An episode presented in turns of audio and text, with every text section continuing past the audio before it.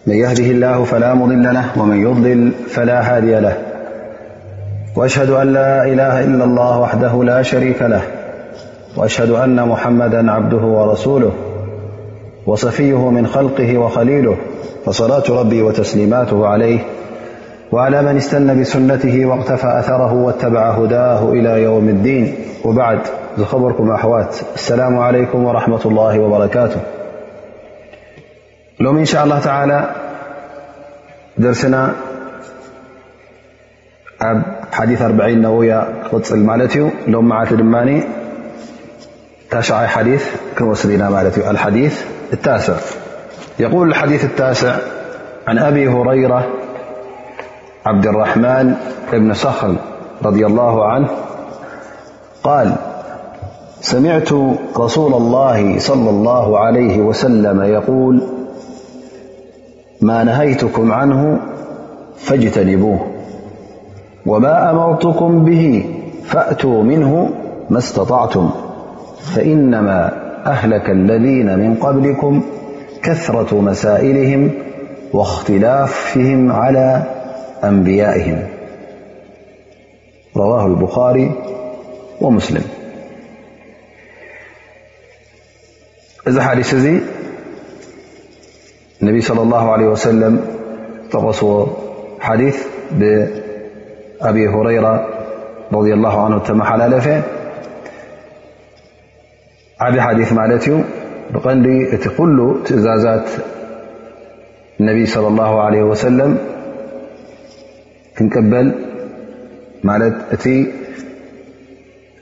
ንኽንገብሮ ዝኣዘዙና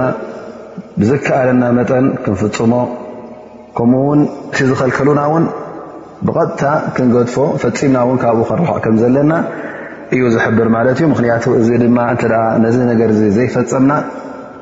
ሓደ ዓበ ጌጋ ኮይኑ ከምኡ ውን እቶም ዝሓለፉ እመም እማታት ካብቲ ዓበይቲ ጌጋታት ዝፈፀምዎ ነቶም ኣንብያ ናቶም ሕቶታት ዝኸውንን ዘይከውንን ሕቶታት ኣብዚሖም ይሓቱ ስለ ዝነበሩን ከምኡ ውን ኣብ ክንዲ ነቲ ትእዛዛት ውን እሺ ሕራ ኢሎም ዝቕበልዎ ውን እሺ ኢሎም ስለ ዝቕበሉ ዘይነበሩን መጥፍኦም ኮይኑ ነይሩ ኢሎም እነቢ ስለ ላ ለ ወሰለም ዝሓበሩና ማለት እዩ እዘን እዚ ሓዲስ እዚ ይብል ማ ነሃይትኩም ዓንሁ ፈጅተኒቡ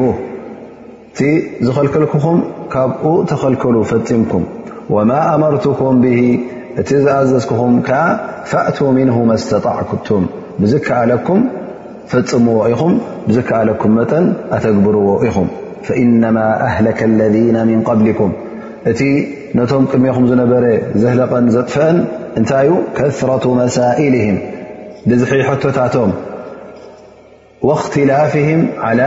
ኣንብያእም ከምኡ ውን ነቶም ኣንብያ ናቶም ነቶም ልኡኻ ኣላ ስብሓን ወላ ዝለኣኾም ናብኦም ስለ ዘይተማእዘዙን ስለ ዘይሰምዑን እዮም ኢሎም ነቢ ለ ላ ለ ወሰለም ነዚ ሓዲስ እዚ ጠቒሶም እዚ ሓዲስ እዚ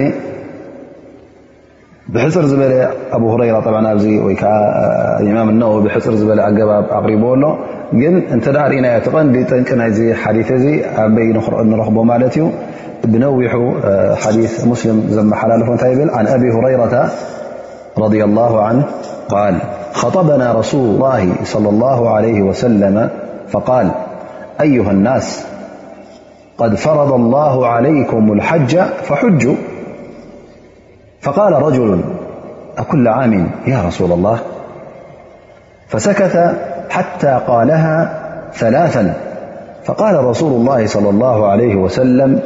لو قلت نعم لوجبت ولما استطعتم ثم قال ذروني ما تركتكم فإنما هلك من كان قبلكم بكثرة سؤالهم واختلافهم على أنبيائهم فإذا أمرتكم بشيء فأتوا منه مااستطعتم وإذ نهيትكም عن شيء فدع ከምዚ ኢሎም ጠቒሶም ማለት እዩ እዚ ሕቶ ዝሓተተ ድማ ወይከዓ እዛ ዘረባ እዚኣ እዚ ሓዲስ እዚ እንታይ እ ዘርኢ ዘሎ መጀመርያ ነቢይ ስለ ላ ለ ሰለም ሓደ ግዜ ባ ኸጥቡ ነይሮም ማለት እዩ ኣብዚ ኹጥባ እዚ እንታይ ኢሎም ኣዮሃናስ ኣንቱም ሰባት ኣላ ስብሓን ወተላ ሓጅ ፈርዲ ገይርዎ እዩ ስለዚ ሓጅጁ ኢኹም ኢሎም ተዛሪቦም ማለት እዩ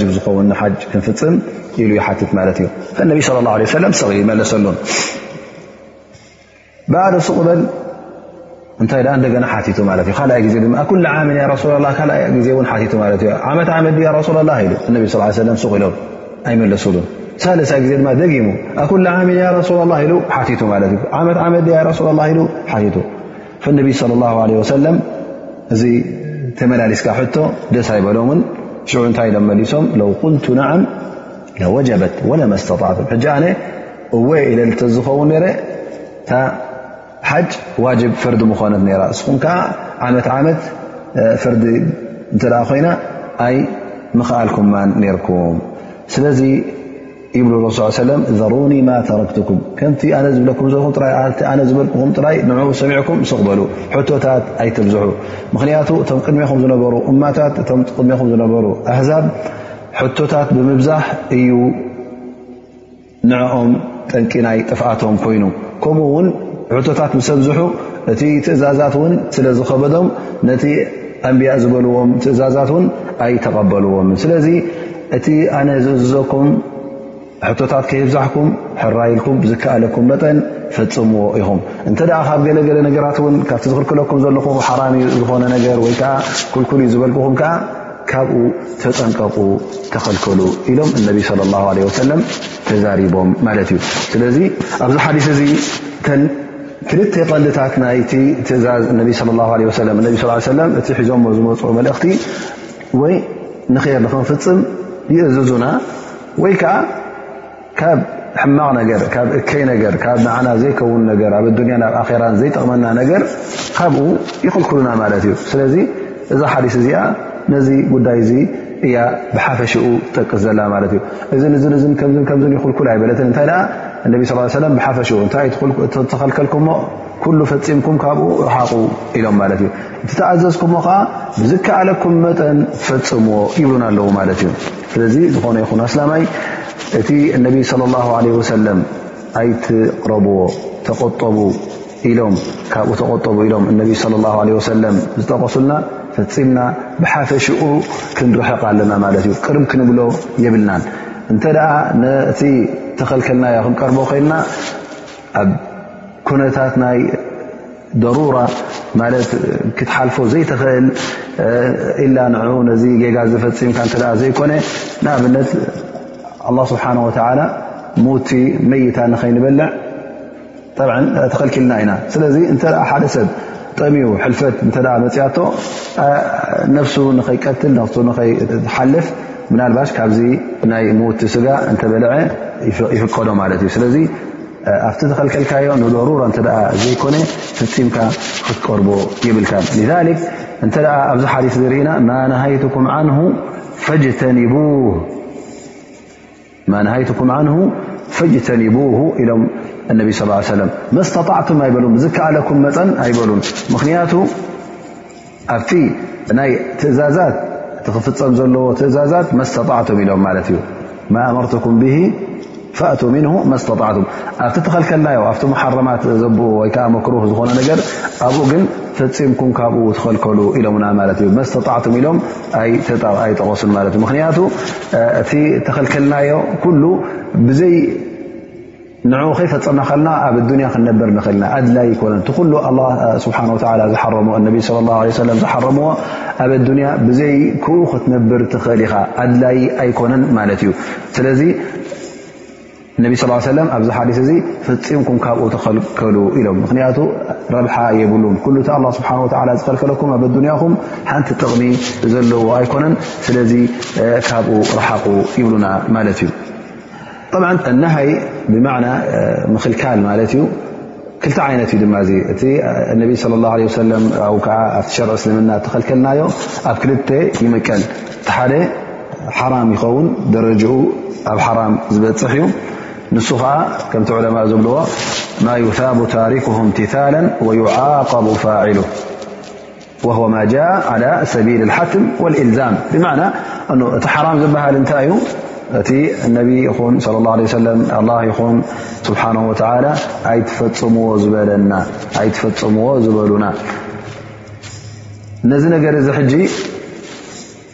እቲ ሙሓረም ዝበሃል ኣይና እዩ እንተ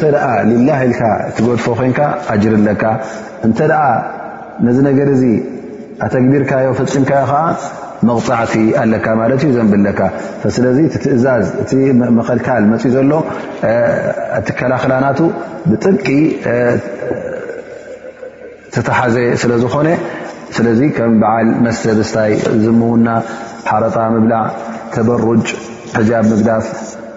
ንሰብ ምቕሻሽ ምጥባር ዘይገንዘብካ ምብላዕ ሕሜታ ከምኡ ውን ኣብትን ኣብትን ዘረባታት እናላኻዕካ ንሰብ ከተባእስን ከተናቆትን ክትርከብ ከለኻ እዚ ኩሉ እንታይ ይኸውን ማለት እዩ ካፍቲ ሙሓረማት ይኸውን ማለት እዩ እቲ ናሃይ እውን ክልተ ዓይነት እዩ እቲ ምክልካል እውን ክልተ ዓይነት እዩ ሓደ ናሂ ታሕሪም ብዛዕባ ናይ ሓራም ዝኾነ ነገራት ዝጠቅስ ወ ዝኽልክል እዩ እቲ ካልኣይ ከዓ ናይ ከራሃ እብልዎ ማለት እዩ ከራሃ ክበሃል እንከሎ ከዓ ፅሉእ ነገር ኣላ ስብሓን ወተላ ዘይፈትዎ እነቢ ስለ ላ ለ ወሰለም እውን ዘይፈትዎ ማለት እዩ ንሱ ከዓ እንተ ነዚ ነገር እዚ ሊላሃልካ ትገድፎ ኣለኻ ኣጅር ኣለካ እንተ ጌርካዮ ግን መቕፃዕቲ የብልካን ማለት እዩ ስለዚ እቲ ምክልካል ክመፅእ እንከሎ ናይ ጥብቂ ምክልካል ኣይኮነን ሓያል ኣከላኸል ኣይተኸልከልካን ግን ካብኡ ንክትክልከል ተኣዚዝካ ኢኻ እዚ ድማ ቓሊበን መብዝሕቱ ኣብ ምንታይ ሸነክ ንረኽቦ ይብሉ ዕለማ ኣብቲ ናይ ኣዳብ ኣብቲ ናይ ስረ ስርዓት ንኣብነት ካብ ኣበላልዓ ክትበልዕ ከለኻ እነቢ ለ ላ ወሰለም ሕጂ ያ ጉላም ኩል ብየሚኒክ ወኩል ምማ የሊክ ክብሎም ከሎ ሕጂ ብዝያዳ እቲ ብጥቓኻ ደሎ ንክትበልዕ መሰለ ኣብ ክንዲ እቲ ብወገንካ ዘሎ ገዲፍካ ኢትካ ነጆን ላዕሊ የማን ክተላኽዕ ከለኻ እዚ መክሩህ ይኸውን ይብሉ ዑለማ ማለት እዩ ከምኡ ውን ንኣብነት እነቢ ስለ ላ ለ ሰለም ድሕሪ ሰላት ልዕሻ ሰብ ዕላል ወዲ ዕላል ንኸይሕዝ ከልኪሎም ማለት እዩ ምኽንያቱ ቀልጢፉ ደቂሱ ንሰላት ፈጀር ምእንቲ ክትስእ ላኪን እዚ ሕጂ ግዴታ ኣይኮነን እተ ገርካዮ ወይ ዓ እ ድሕሪ ዕሻ ኮፍ ኢልካ ዕላል ሕዝካ ገለ ሓራም ማለት ኣይኮነን እንታይ ደኣ መክሩህ ይበሃል ማለት እዩ ስለዚ መክሩህ እንተ ፈፂምካዮ መቕፃዕቲ የብልካን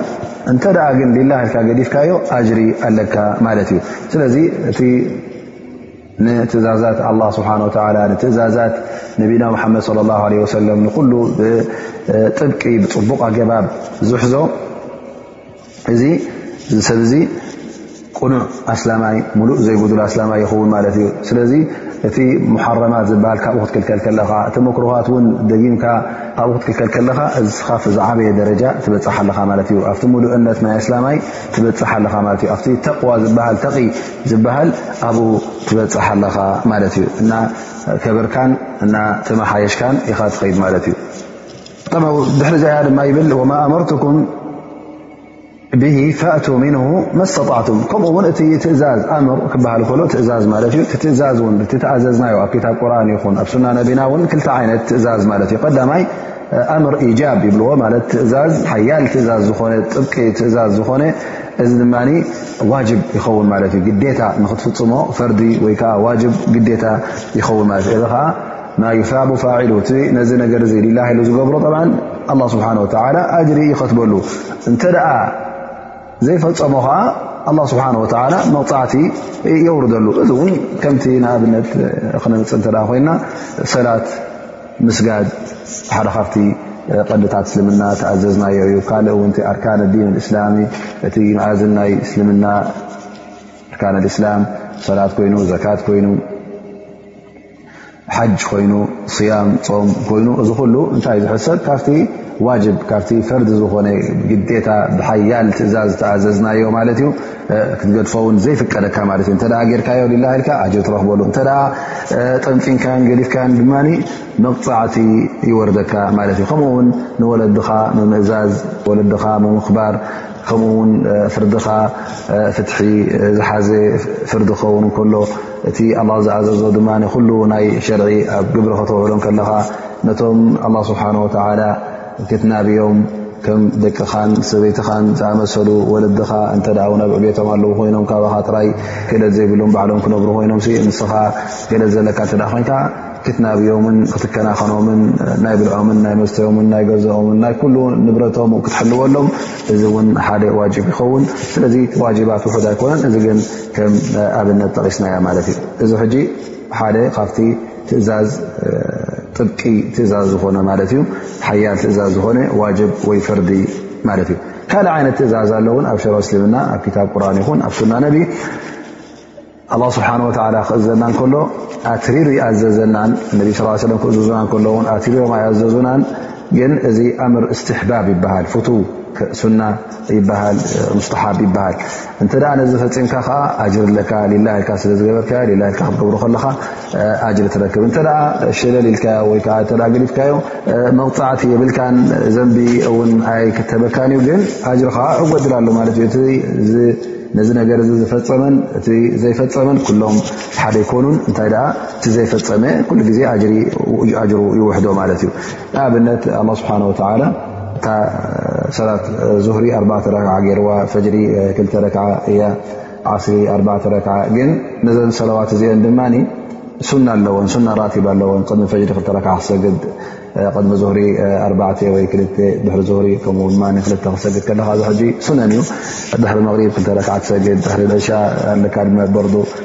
ክልተ ረክዓ ትሰግዶ ድሕሪኡ ውትሪ ትሰግድ እዚ ሕጂ እንታይ ይበሃል ሱነን ይበሃል ነዚ ሱናታት እዚ እንተ ገዲፍካ ዋጅብ ገዲፍካ ኣይትበሃልን ኢኻ ግዴታ ገዲፍካ ኣይትበሃልን ኢኻ ካብ ዲንካ ጉይልካ ኣይትበሃልን ኢኻ ግን ኣጅሪ ይወድለካ ኣሎ ማለት እዩ መወፅ ምጥቃም ሲዋት ኢሕራም ክትገብር ከለኻ ንሓጅ ኮይኑ ንዑምራ ነብስኻ ፈፀም ሱና ስለ ዝኾነ እዚ ኩሉ ፅቡቕ እዩ ካልእ ዓይነታት ውን መሊኡ ኣሎ ሙስተሓባት ዝኾነ ኣብ ፊባብ ኣዳብ ፊባብ ዕባዳት ነዚ ነገር እዚ እተ ፈፂምካዮ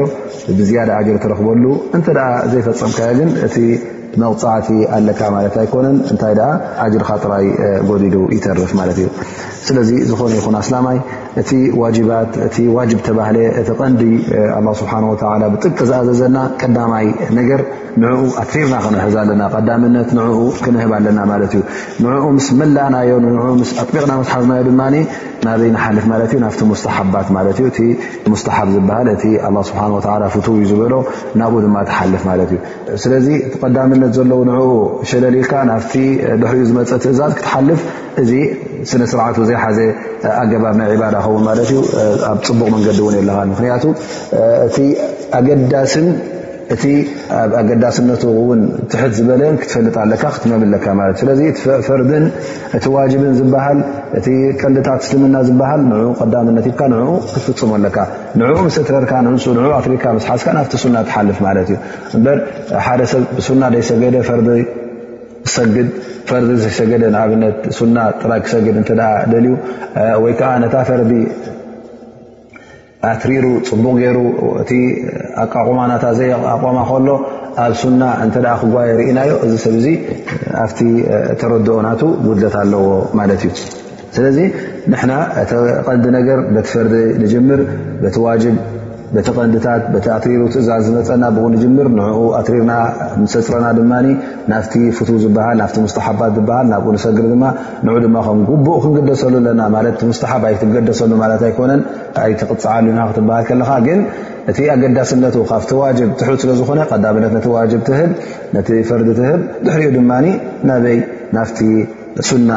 ዝበሃል ናፍቲ ሙስታሓብ ዝበሃል ናብኡ ተመሊስካ ንዑ ኣብ ግብሪ ተውዕል ዑለማ ብዛዕባ ሃኣይናይ ይበልፅ ኢሎም ሃ ተርከል መንህያት ፈድሊ ናቱ ዶ ይበልፅ ወይ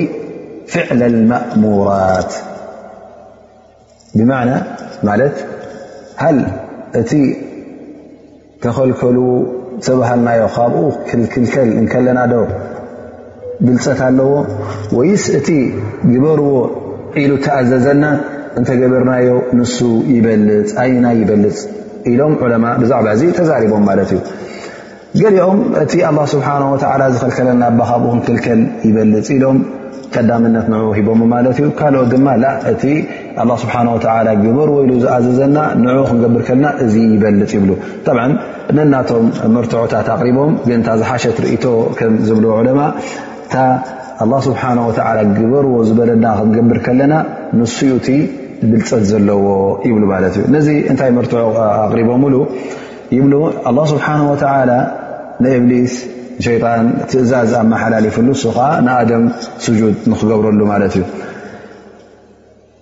ሸይጣን ነዚ ትእዛዝ እዚ ኣይንእዘዝን ኢሉ ኣብዩ ምስ ኣበይ እንታይ ተረኸበ ማለት እዩ ኣላ ስብሓን ወተላ ካብቲ ራሕማናቱ ረጊሙ ልዒኑ ሰጒግዎ በዛ ዘንቢ እዚኣ በዛ ዓባይ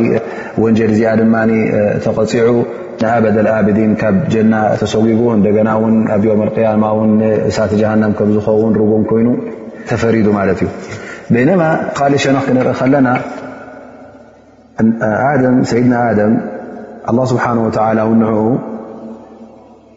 ከልኪልዎ ማለት ዩ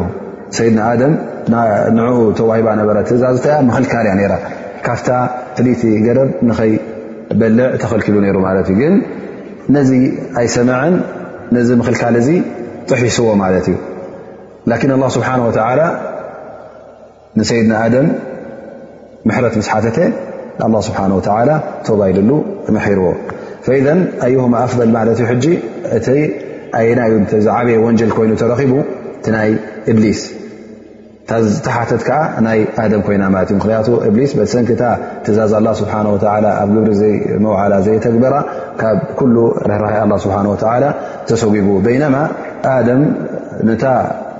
ተኸልኪልዋ ዝነበረ ንዓኣ ነታ ምኽልካል ፈፂምዋ እከሎ ተጋጊ እከሎ ግን ኣላ ስብሓን ወተዓላ ቶባ ኢሉሉ ስለዚ እሳ ፈኺሳ ማለት እዩ ናይ ሰይድና ኣደም ትፈክስ ስለ ዝኾነት ኢሎም በዚ መርትዖ ኣቕሪቦም ማለት እዩ ኣብዚ ሓዲስ እውን እንታይ ይብል ነቢ ለ ላ ለ ወሰለም ፋእቱ ምንሁ መስተጣዕቱም ፈእቱ ምንሁ መስተጣዕቱ ማለት ዛዘዝኩኹም ብዝከኣለኩም መጠን ፈፅምዎ ዑለማ ካብዛ ቃል እዚኣ ሓንቲ ነገር ብዛዕባ ናይ እሱል ልፈቀ ሓንቲ ኣርእስቲ ኣውፅኦም ማለት እዩ ወይከዓ ሓንቲ መሰረት ዝኾነት ቃል ጠቂሶም ይብሉ መይሱር ላ የስቁጡ ብልማዕሱር ማለት እቲ እትኽእሎ ንክትፍፅሞ እትኽእል ነገር በቲ ዘይትኽእሎ ነገር ኣይድምሰስን እዩ ወይ ከዓ ኣይተርፍን እዩ ማለት እንተ ሓደ ሰብ ንሓንቲ ነገር ነዚ ዋጅብ እዙ ኣላ ስብሓን ወተላ ንኣብነት ዋጅባት ገይሩልና ኣሎ ማለት እዩ እሞ ነዚ ዋጅብ እዙ ኩሉ ብምልእ ክትገብሮ እተ ዘይከኣልካ ኩሉ ይትረፍ ኣይበሃልን እዩ እንታይ ደኣ ዝከኣለካ ካብኡ ጥራይ እውን ተገበርካ እኹል ይኸውን ማለት እዩ ኣብነት ንኣብነት እንታይ ኣቕሪቦም ኣብዚ ጉዳይ እዚ ይብሉ እንተ ሓደ ሰብ ማይ ኣለዎ ኮይኑ ውዱእ ንክገብር ግን እዘን ማይ እዚአን ኩላ ውዱእ ከግብሮ ኣይክእላን እየን ኢዱን ገጹን ጥራይ ክሓጽበለን እግሩ ግን ክሓጽብ ኣይክእለን እዩ ኣይ ውሕዳት እየን ዘለዋ ዘን ማይ ኢሎም ፈቃሉ እ በተን ዘለዋ ማይ ውዱእ ይገብር ድሕሪኡ ድማ ነቲ ዝተረፈ ብተየሙም ይፅግኖ ይብሉ ማለት እዩ ብተየሙም ይፅግኖ ስለዚ ትዝከኣለካ ጌርካ ማለት እዩ ተዘይከኣለካ ግን ተሪፉ ማለት እዩ ልክዕ ሰላት እንተ ክንርኢ ኮይና እውን ሕጂ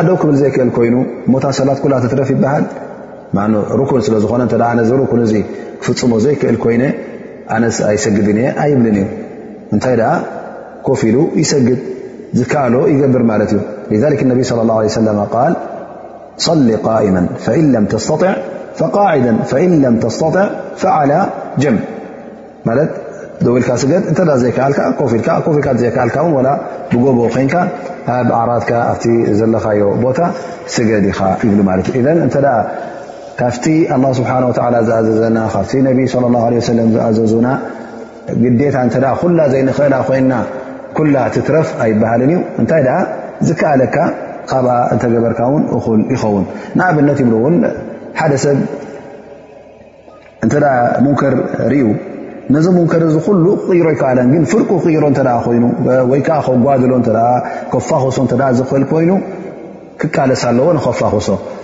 ኣነስ እዚ ሙንከር እዚ ኩሉ እተ ዘይጠፍእ ኮይኑ እንታይ ገዲሹ ዝትዕብ ክብል የብሉን እንታይ ደኣ ዝከኣሎ ይገብር ማለት እዩ ፈየፍዓል ማ ተየሰራ ለሁ ፈኢ ሰዋእን ኣብቲ ናይ ግላዊ ዕባዳ ኮይኑ ማለት ኣብ ሰላት ከምቲ ዝረኣናዮ እንተ ሓደ ሰብ ሕሙም ኮይኑ ኣብ ዓይኑ ስጁድ ክገብር ዘይክእል እተ ኮይኑ ክሳዕ ዝሓዊ ንኣብነት ስጁድ ኣይገብርን እዩ እቲ ስጁድ ሩኩን ኣርካን ሰላን ከሎ እቲ ዝከኣሎ ይገብር እታ ሰላቱ ምልእቲ ትኸውን ኣጉዲልካ ውን ኣይበሃልን እዩ ምክንያቱ እዚ እዩ ክእለቱ ማለት እዩ ስለዚ እዚ መብዝሕቲ ግዜ ብ ከም ቃዒዳ ወይ ከዓ ከም ቤዝ ነገር ከም ሓደ መሰረት ዝኾነ ቃል ኣውፅኦምሉ ማለት እዩ ግን ኣብ ሓደ ሓደ ጉዳያት ና ልባሽ እዚ ክፈላለ ክእል ዩ ማለት እዩ ንኣብነት እተ ሓደ ሰብ ኣብ መገሻ ነይሩ ኮይኑ ወይከዓ ሓሚሙ ውዒሉ ከይፀሞ ውዒሉ ኣብ ፍርቂ መዓልቲ እንተ ሓውዩ እሞ ኸላስ ካብታ ዝሓወኻላ ሰዓት ፆም ጀምር ኢኻ ካብኡ ክሕሰበልካ እዩ ከም መዓልቲ ከም ልክ መዓልቲ ዝፆምካ ወይ ካዓ ፍርቂ መዓልቲ ክትሕሰበልካ እዩ ኣይበሃልን እዩ ምክንያቱ ኣላ ስብሓን ወተዓላ እታ ስያም ፍርቂ መዓልቲ ዝበሃል ስያም የለን እንታይ ደኣ ምልእቲ ክትፀወም እዩ ዘለዋ ማለት እዩ ስለዚ ኣብ ገለገለ ነገራት እዚኣ ትፈላለ ትኽእል ትኸውን እያ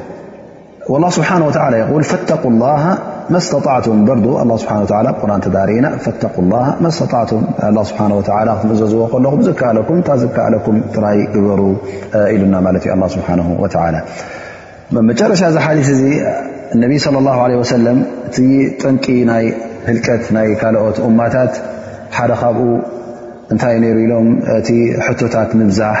ነቶም ኣንብያ ድማ ምስኦም ዘይምንዕኦም ዘይምምእዛዝ እዩ ነይሩ ይብሉ ማለት እዩ ስለዚ ካብዚ እውን የጠንቅቐና ኣለዎ ማለት እዩ ነቢይ ለ ላ ለ ወሰለም ከምኦም ንኸይንኸውን ከምዞም እማታት እዚኦም ንኸይንመስል እነቢይ ለ ላ ለ ወሰለም መጠንቀቕታ ይህውና ኣለዉ ማለት እዩ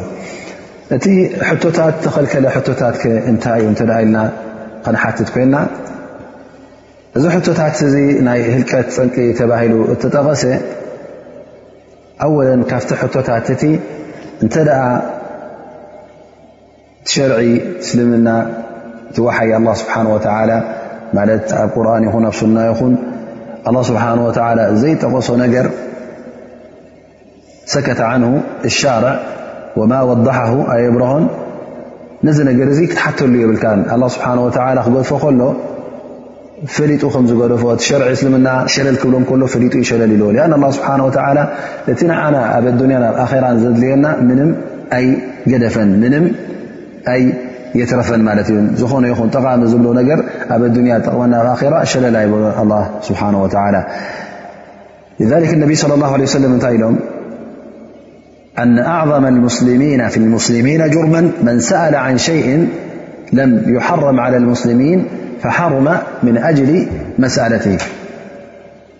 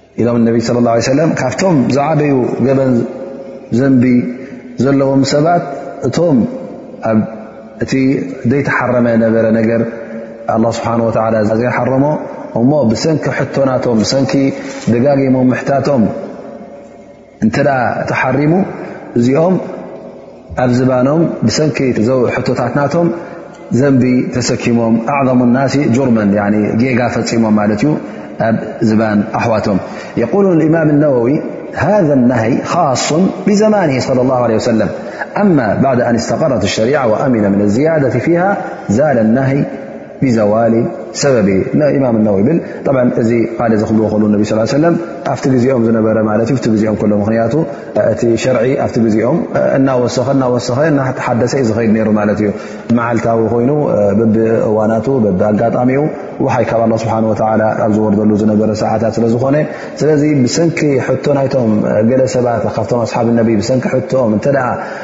ገለ ነገር ተሓሪሙስ እዚ ጌጋ ከም ምኳኑ ከምዚ ዓይነት ሕቶ ውን ጎዳእ ከም ምኳኑ ነቢ ስለ ላ ሰለም እየጠቕሱ ነይሮም ግን ሕጂ ብሰንኪ ሰብ ዝሕረም ነገር ዘሎ ይመስለንን ብሰንኪ ሕቶታት ምክንያቱ እቲ ሸርዒ እስልምና ምሉእ ዘይጉዱል ኮይኑ ተማሊኡ እዩ ዘሎ ስለዚ ዝውሰኽን ዝንከን ነገር የለን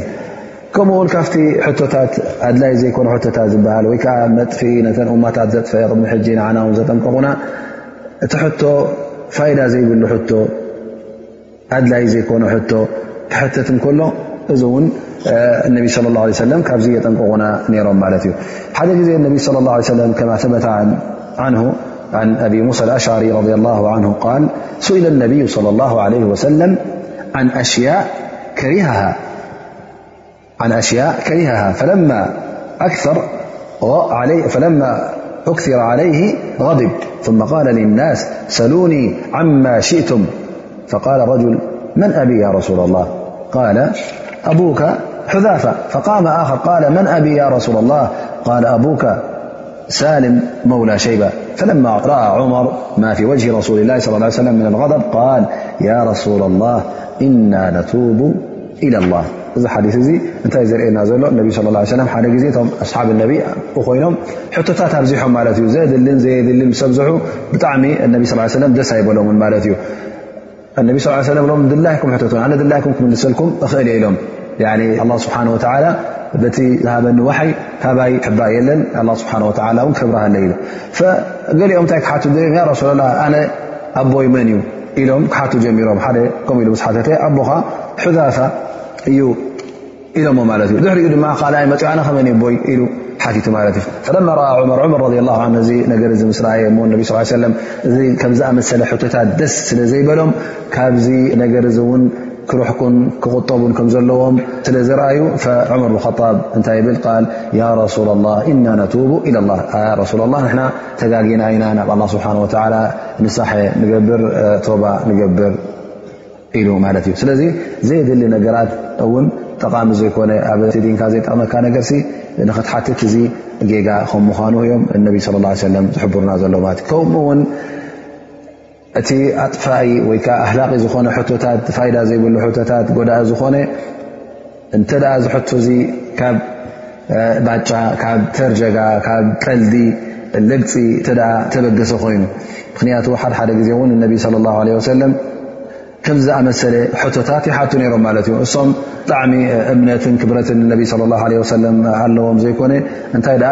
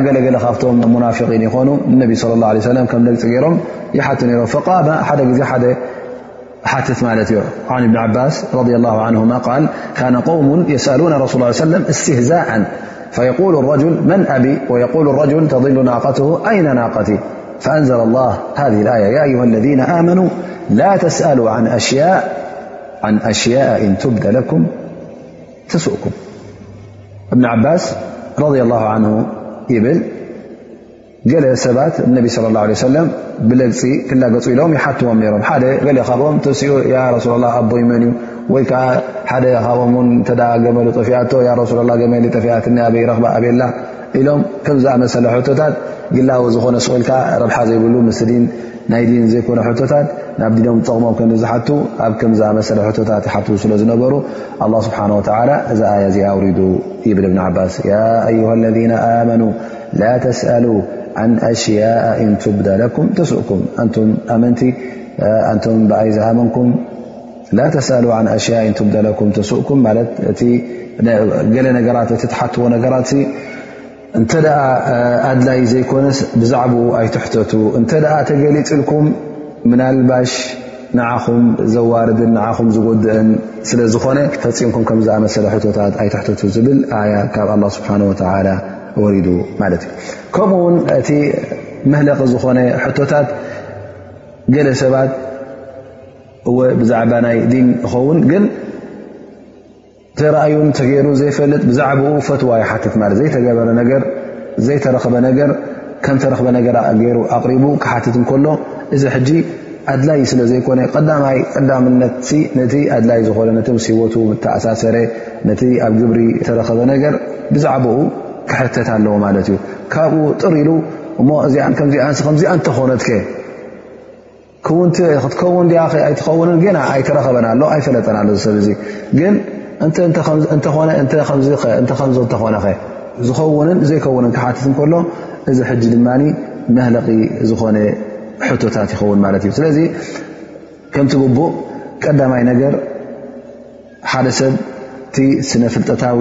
ዕልሚ ወይከዓ ስነ ፍልጠታዊ ጉዳይ ንዕኡ ተገዲሱ ብናይ እስልምና ስነ ፍልጠታዊ ጉዳይ ተገዲሱ ንዕኡ ክፈልጥ ኣለዎ ብኡ እውን ይኣምን ማለት እዩ ነቲ ስነ ምግባራዊ ሸነኻት ናይ እስልምና ድማ ብዝከኣሎ መጠን ክገብሮን ክፍፅሞን ኣለዎ ማለት እዩ እቲ ግደ ክገድፎን ክቁጠቦን ድማ ተኣዘዘ ካብኡ ክቁጠብ ኣለዎ ማለት እዩ ካብኡ ንላዕሊ እተ ክሓቲ ኮይኑ ድማ ዝያዳ ፍልጠት ዝቦ ዝያዳ ዕልሚ ዝቦ ብዛዕባ እስልምና ብዛዕባ እቲ ዲኑ ዘፍልጦ እተ ኮይኑ ካብኡ ሓ ተሓተተ ድማ ፅቡቕ ይኸውን ማለት እዩ ስለዚ እንተ ንዕልሚ ንፍልጠት ኮይኑ ኣድላይ ዝኾ ነገር ንዕልምኻ ዝውስኸካ ነገር እዚ ፅቡቕ እዩ ግን እተ ትትሓቶ ዘለኻ ነገር ጥራይ ንመዛረብን ንመካትዕን ጥራይ እንተ ኮይኑ ከም ክትዕ ኢልካ ጥራይ ከተቕርቦ እሞ ከም ዝተኾነ ከምዚ ነይሩ እተኾነ ዘይኮነ ነገር ከሎ እተ ናብኡታት ክትሓልፍ ኮንካ ሕጂ ስኻ ድልት ናይ ተግባራዊ ኮነ ዘለካ ማለት እዩ ማለት ገና እቲ ካባኻ ዝጥለብ እቲ ክትገብሮ ዝትኽእል ብዛዕባኡ ዘይሓተትካን ንኡ ኩሉ ዘይቆንካን ካልእ ነገራት ገና ዘይተረኽበ ነገር እንተተረኸበ ከእንተተኾነ ከእንታበልካ ትሓትት ከለኻ እዚ ኣድላይ ስለ ዘይኮነ ካብኡ እውን ክንቁጠብ ኣለና ማለት እዩ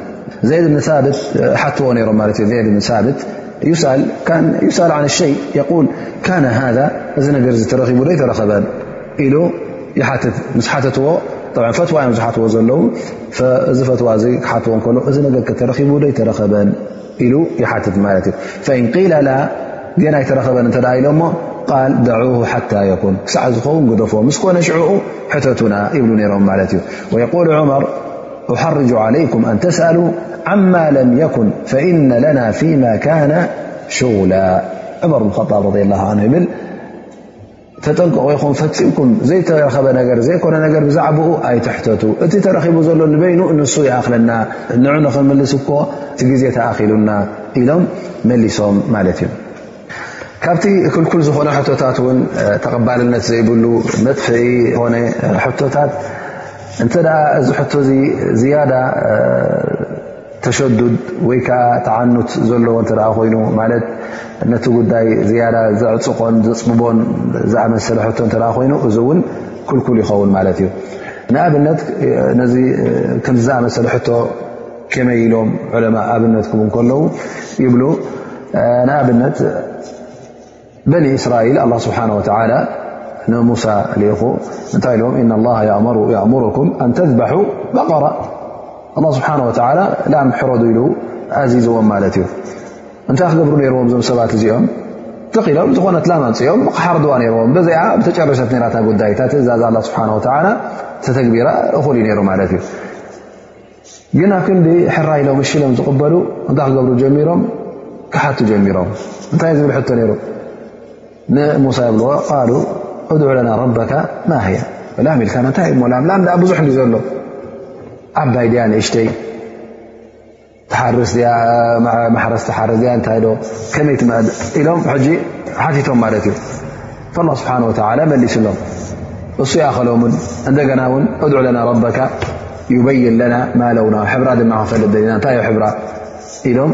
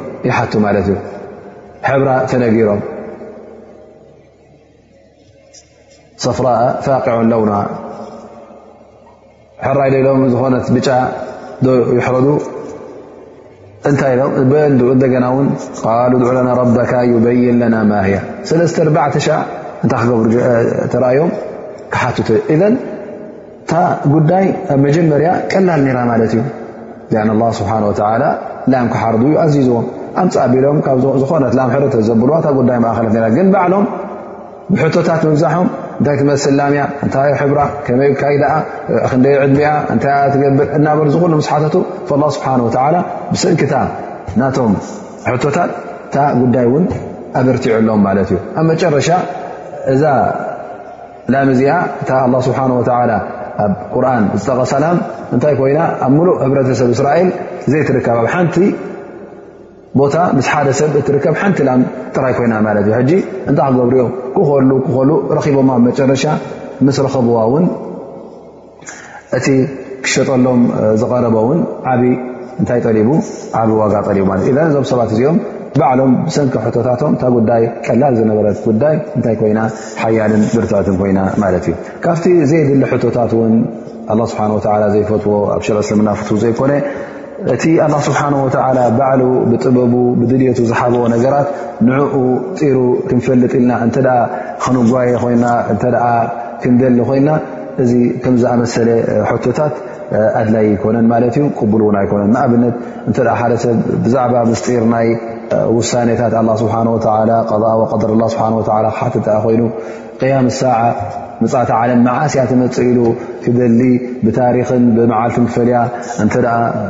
ክሓትት ኮይኑ ወይ ከዓ ንክደልያ እተ ለይትን መዓልትን ህርዲግ ዝብል ኮይኑ እዚ ኩሉ ኣድላ ኣይኮነ ላ ስብሓን ወተላ ፈሊጡ እዩ ነዚ መዓልቲ ቅያማ ሓቢዎ ዘሎ ከምኡ ውን ሓቂቀት ሩሕ ማለት ሩሕ ናይ ወዲሰብ ናይ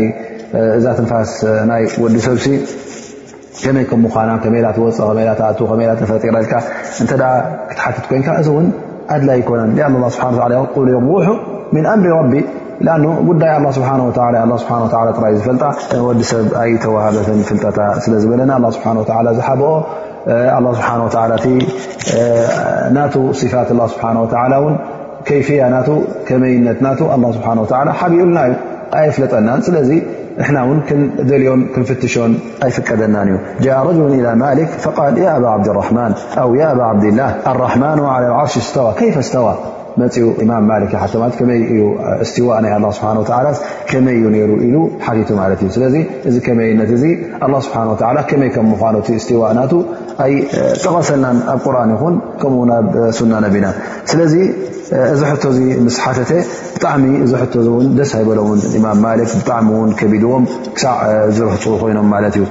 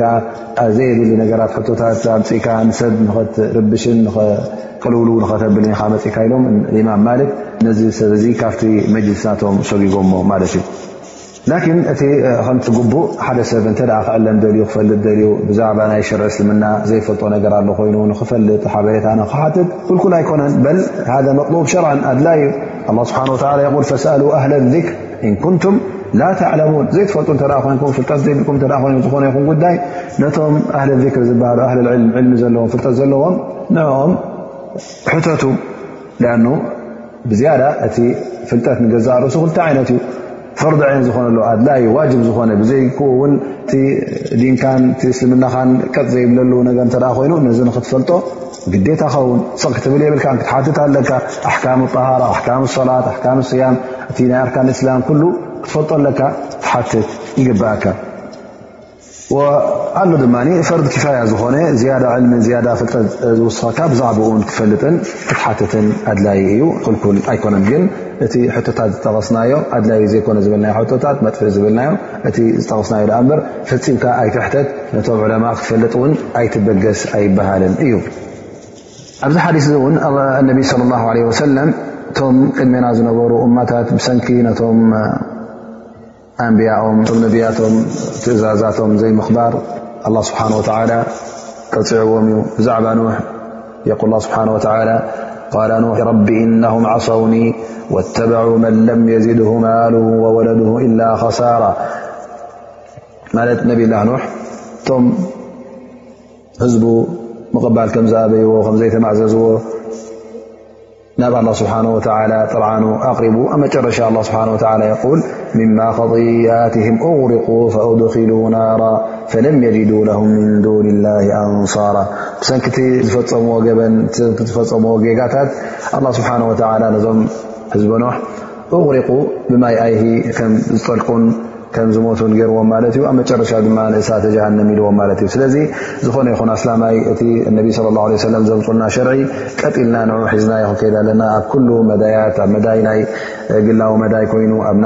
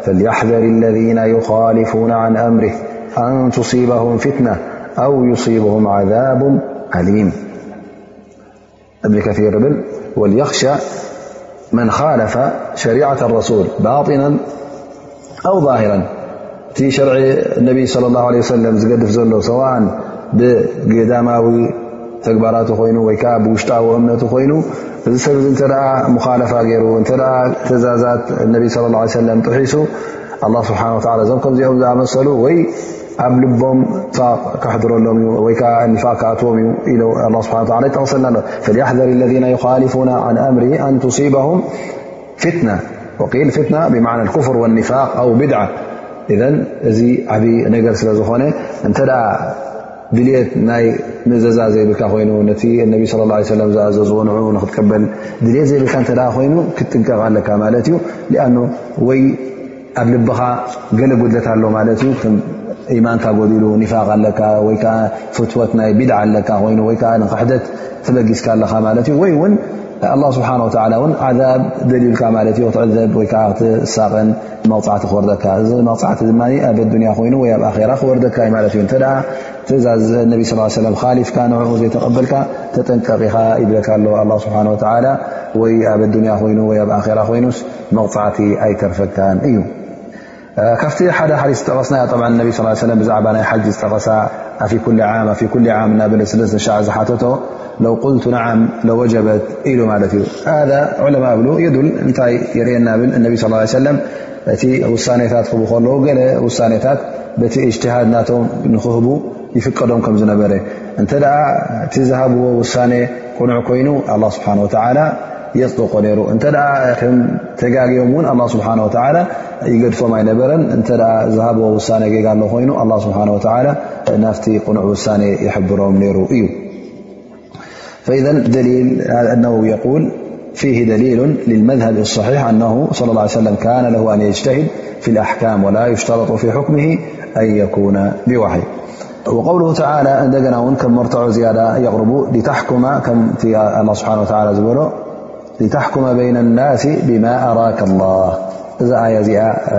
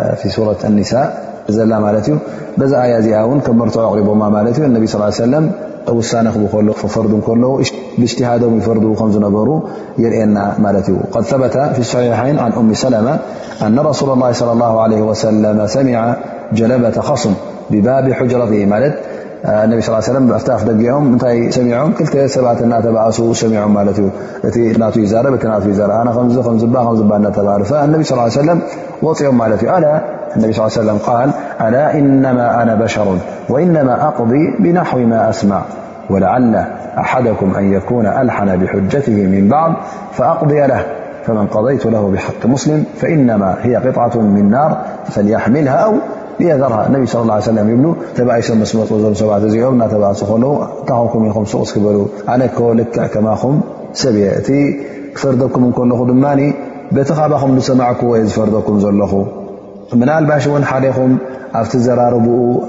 ክእለት ክኢላ ይኸውን ክእለት ይሃልዎ ምናልባሽ እታ ጉዳይ ከም ሓቂ ገይሩ የቕርባ ኸውን ኣነ ድማ ንዕኡ ሰሚዐ ነቲ ዘቕረቦ መርትዖታት ርአ ብኡ እየ ዝፈርድ ስለዚ ኣነ ክፈርደኩም እንከለኹ ምናልባሽ እቲ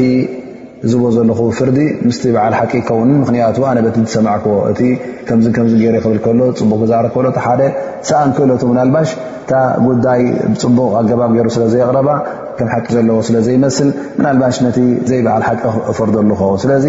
እንተ ደኣ ሓደ ሰብ ኣነ ክፈርዶ ኣሉ ከለኹ ሓላል እያ ማለት ኣይኮነትን እንታይ ደኣ ዘይናቱ እንተደኣ ኮይና